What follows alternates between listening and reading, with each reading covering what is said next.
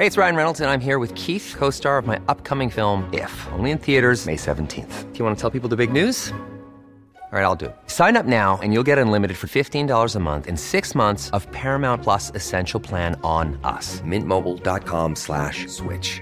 Upfront payment of $45 equivalent to $15 per month. Unlimited over 40 gigabytes per month. Face lower speeds. Videos at 480p. Active Mint customers by 531.24 get six months of Paramount Plus Essential Plan. Auto renews after six months. Offer ends May 31st, 2024. Separate Paramount Plus registration required. Terms and conditions apply if rated PG. Hiring for your small business? If you're not looking for professionals on LinkedIn, you're looking in the wrong place. That's like looking for your car keys in a fish tank. LinkedIn helps you hire professionals you can't find anywhere else, even those who aren't actively searching for a new job but might be open to the perfect role. In a given month, over 70% of LinkedIn users don't even visit other leading job sites. So start looking in the right place. With LinkedIn, you can hire professionals like a professional. Post your free job on linkedin.com slash people today. Du lytter til en podcast fra TV2.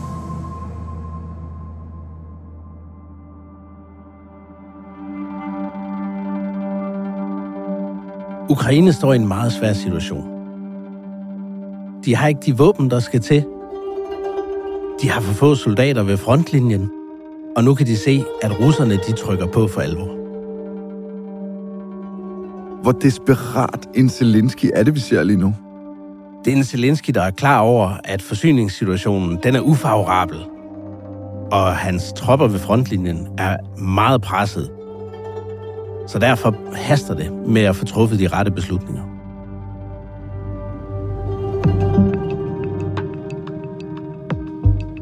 Præsident Zelensky kæmper lige nu en hård kamp for at råbe Vesten op efter tabet af den symbolsk vigtige by Avdivka i det østlige Ukraine. Зараз надзвичайно важка ситуація на кількох частинах фронту, саме там, де російські війська зосередили максимум Ifølge Zelensky nyder russerne rigtig godt af, at den vestlige støtte er forsinket.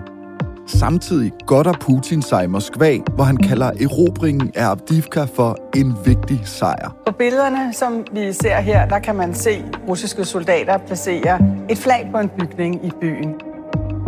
Tabet af Avdivka er et billede på en tiltagende ukrainsk desperation, der ikke kun viser sig på slagmarken, Befolkningens støtte til Zelensky er faldet voldsomt den seneste tid, hvor der også har vist sig at være stor splittelse på de indre linjer. Datus spørger i dag omkring toårsdagen for Ruslands invasion, om Ukraine overhovedet er i stand til at genvinde momentum og sikre sig den vestlige støtte, der er nødvendig for at nedlægge den russiske krigsmaskine. Mit navn er Joachim Claus Høj Bindslev. Hvornår har du set en sådan god nyhed på slagmarken for Ukraine? Jamen, det, det er lang tid siden. Jeg vil sige, i august-september, hvor man kunne se, de havde overtaget på artilleri. På det seneste så har Ukraine haft succes med denne her offensiv. Hvor de fyrede 7.000 plus artillerigranater af i døgnet, og russerne var nede på 5-6.000 der kunne man se, at det havde en effekt. Der kunne de ligesom komme ud over det problem med, at de ikke har luftherredømme. Og det pressede russerne i den periode. Det var i august-september. Men siden da, der er de løbet tør for ammunition. Jakob Korsbo er senioranalytiker i Tænketanken Europa, tidligere chefanalytiker i Forsvarets efterretningstjeneste, og så følger han nøje med i udviklingen på slagmarken i Ukraine. Hvordan vil du beskrive den situation, Ukraine befinder sig i lige nu, altså omkring toårsdagen for russernes invasion? Den er, den er kritisk. De har ikke de forsyninger, der skal til. Vi kan se på tallene, at øh, de er nede og afskyde ja, omtrent 1.500 artillerigranater om dagen. Og øh, når russerne så omvendt ligger op på 7.500, øh, så har du et problem. Fordi, som jeg sagde før, der er ikke øh, nogen, der har luftherredømmet, og øh, vi har ikke sørget for, at ukrainerne har det, der skal til at have et luftherredømme. Og derfor er det, vi snakker så meget om de her berømte artillerigranater.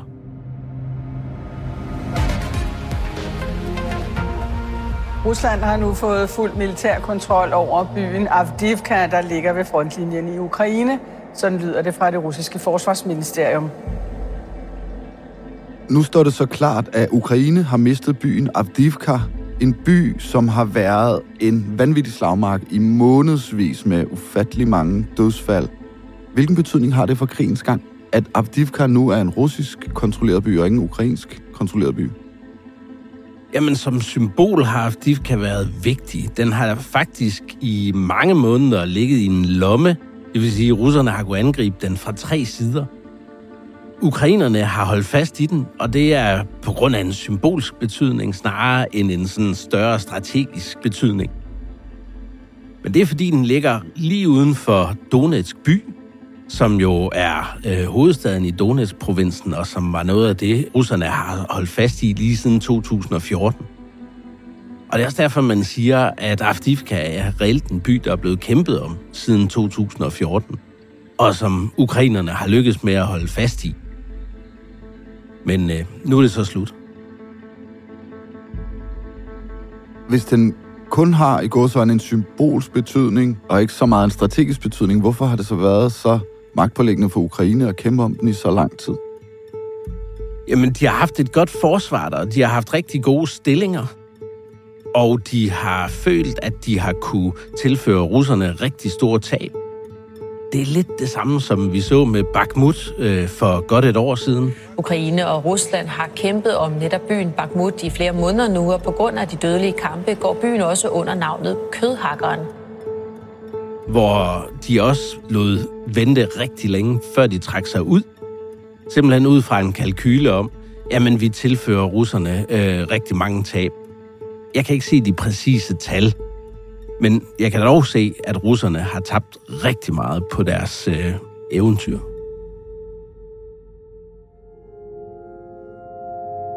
Det er altså ikke nyt, at der kæmpes om byen Abdivka. Men siden efteråret har byen været skueplads for voldsomme kampe mellem ukrainske og russiske styrker. Hvis man laver en hurtig billedsøgning på Google og skriver Avdivka, hvad er det så, man ser? Det, man ser nu, det er jo en øh, by, der er reduceret til murbrokker, øh, stort set. Der ligger den ene lejlighedsbygning, lejlighedskompleks efter det andet, der er skudt i sænk, skudt til pulver nærmest. Det her var jo før en by på omkring 30.000 mennesker, en industriby, øh, hvor der var en sådan en stor kemifabrik, en by på størrelse med, med Jørgen, hvor jeg selv er vokset op. Men øh, i 2023 anslog man, at der var omkring 1000 indbyggere tilbage i byen, som boede i, i de her ruiner. Og det var altså før den sidste offensiv blev sat ind fra russisk side. Så på den måde øh, har det jo været ruiner, de to herrer har slået om. Og det er også derfor, der er ikke noget af en, en speciel værdi tilbage i byen. Russerne kan rykke små 9 kilometer øh, fremad. Nu forventer jeg, at fronten bliver nogenlunde lille, i stedet for den lomme, vi har talt om tidligere. Men det er stort set øh, det. Hvorfor er den her by så vigtig for russerne? Det var det samme, vi talte om med Bakhmut for godt et år siden. Altså, enhver sejr for russerne er vigtig, og øh, den her symbolik, der er i byer som Bakhmut og Avdivka, er vigtig for russerne. Man skal huske på, at de har heller ikke haft en sejr i, i lang tid, noget som de har indtaget. Og øh, det i den russiske generalstab at kunne vise, nu har vi rykket frem, nu har vi taget den her by fra det, de kalder nazisterne, det er vigtigt for dem. Jeg har lige taget et kort med, der viser, Jakob, hvor Avdivka ligger i Ukraine. Kan du ikke sådan prøve at beskrive placeringen af byen i forhold til, hvad er det for en stilling, der er i den her krig?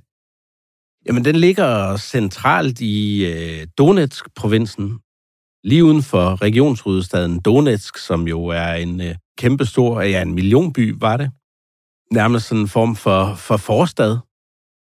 Vi ved jo fra inden krigen allerede startede, at øh, et af de russiske mål var at erobre Donbass, og øh, der har de nu cirka halvdelen af, af Donetsk-provinsen under deres kontrol. Men der er rigtig langt igen, hvis man ser på den fremrykning, de har lavet nu i den her lomme. Det er små 9 kilometer. Og der er langt igen, så jeg ser ikke for mig, at de vil kunne rykke frem og indtage hele Donetsk-provinsen.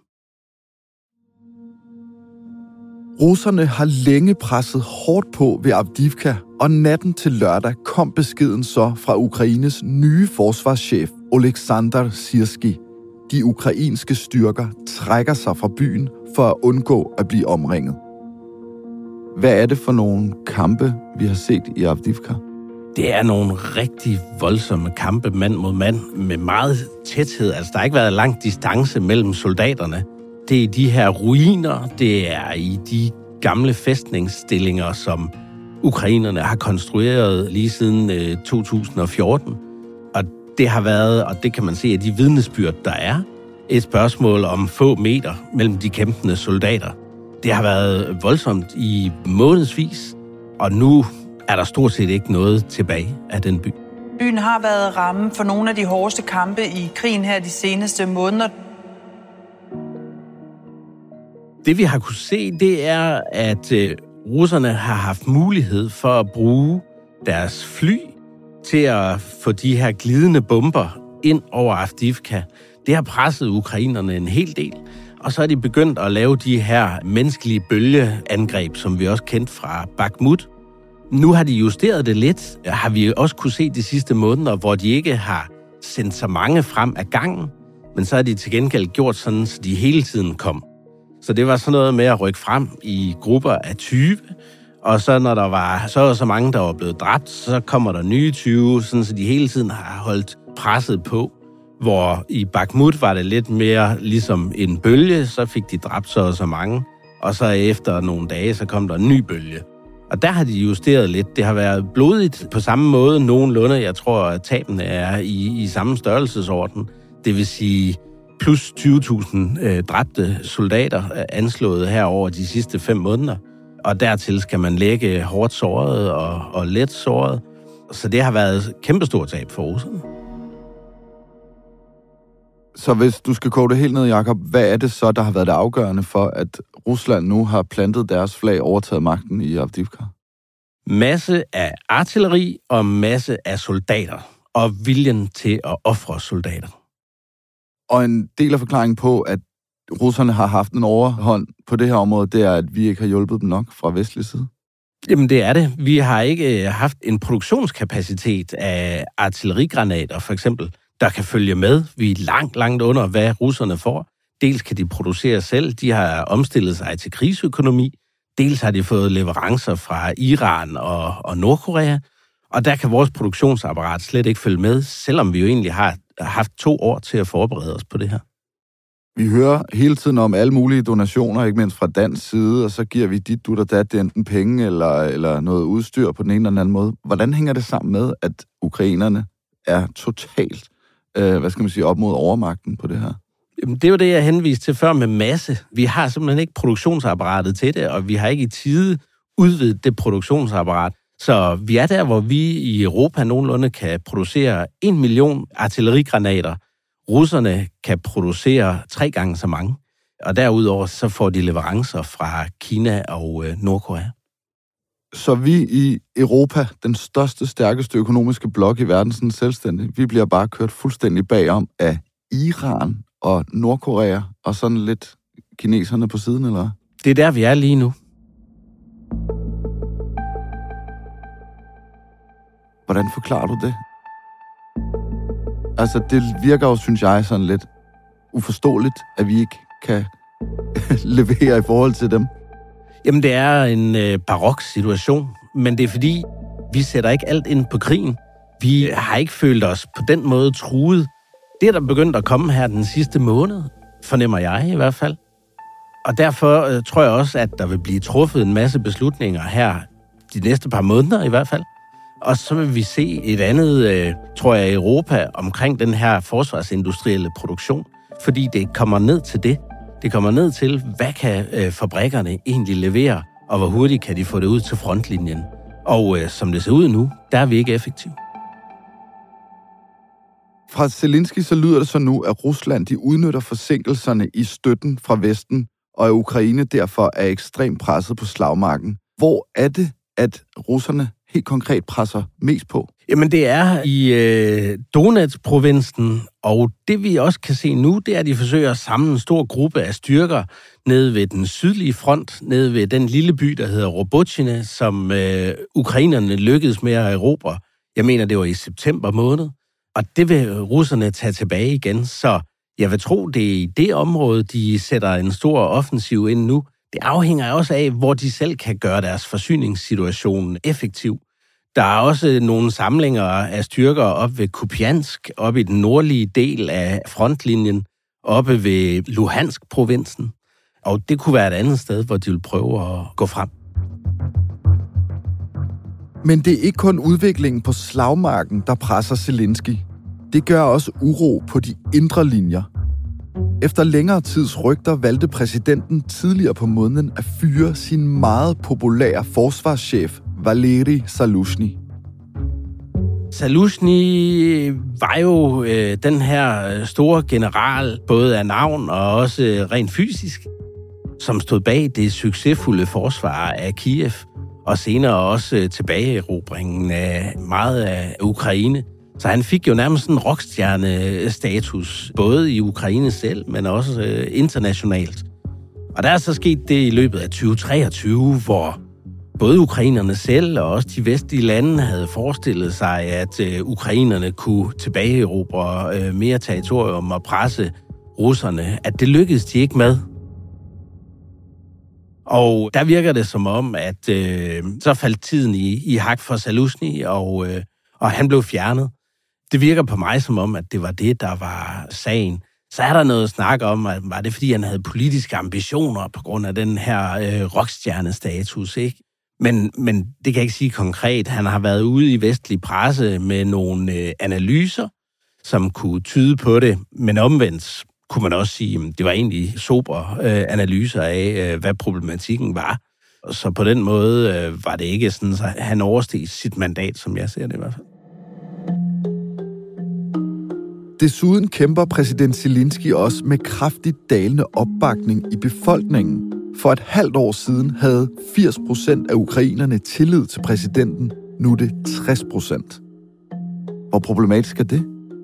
Det er jo problematisk, men øh, min vurdering er, at det afspejler sig jo i det fravær af succes, der var i 2023 på slagmarken. Den sidste store ukrainske erobring kom i november 2022, og øh, der har vi sikkert set øh, Zelenskis øh, ratings øh, gå helt i, i top øh, da de tilbageerobrede meget af Kherson-provinsen. Ja, så skal vi lige rette blikket mod Ukraine, for i den øh, nyligt befriede ukrainske storby Kherson er ukrainske soldater blevet modtaget som helte. Og siden er, er det jo gået i stå, og jeg tror, det er det, vi skal afspejle i det. Jeg tror, det er meget vigtigt samtidig at sige, at der er ikke noget, der tyder på, at der blandt ukrainerne er nogen form for alternative synspunkter i forhold til, at det værd at kæmpe krigen. Fordi øh, grundlæggende, øh, alle de målinger, der er, tyder ikke på, at ukrainerne kigger på øh, noget andet scenarie, end at kæmpe det her til ende.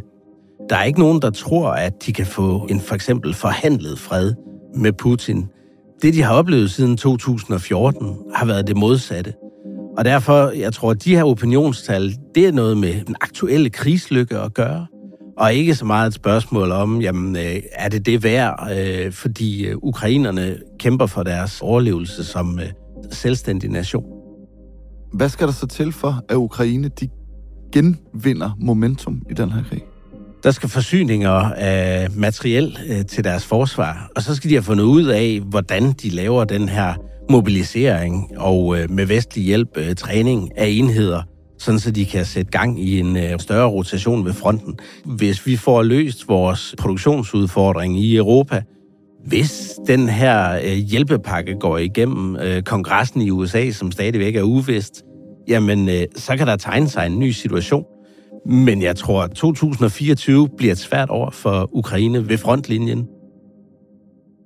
De er i defensiven, og øh, der er ikke noget, der tyder på, at de lige de første måneder her kan få de våben og de forsyninger med ammunition, der skal til at gå i offensiven, ej heller modstå de russiske angreb.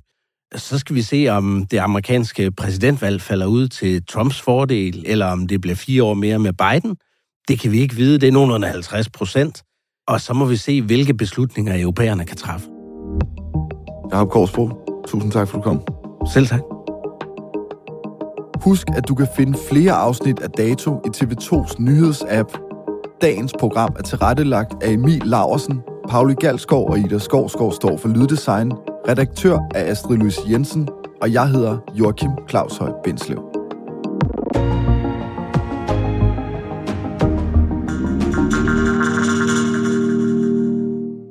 Du har lyttet til When you make decisions for your company, you look for the no-brainers. If you have a lot of mailing to do, stamps.com is the ultimate no-brainer. Use the stamps.com mobile app to mail everything you need to keep your business running with up to 89% off USPS and UPS. Make the same no-brainer decision as over 1 million other businesses with stamps.com. Use code PROGRAM for a special offer. That's stamps.com, code PROGRAM.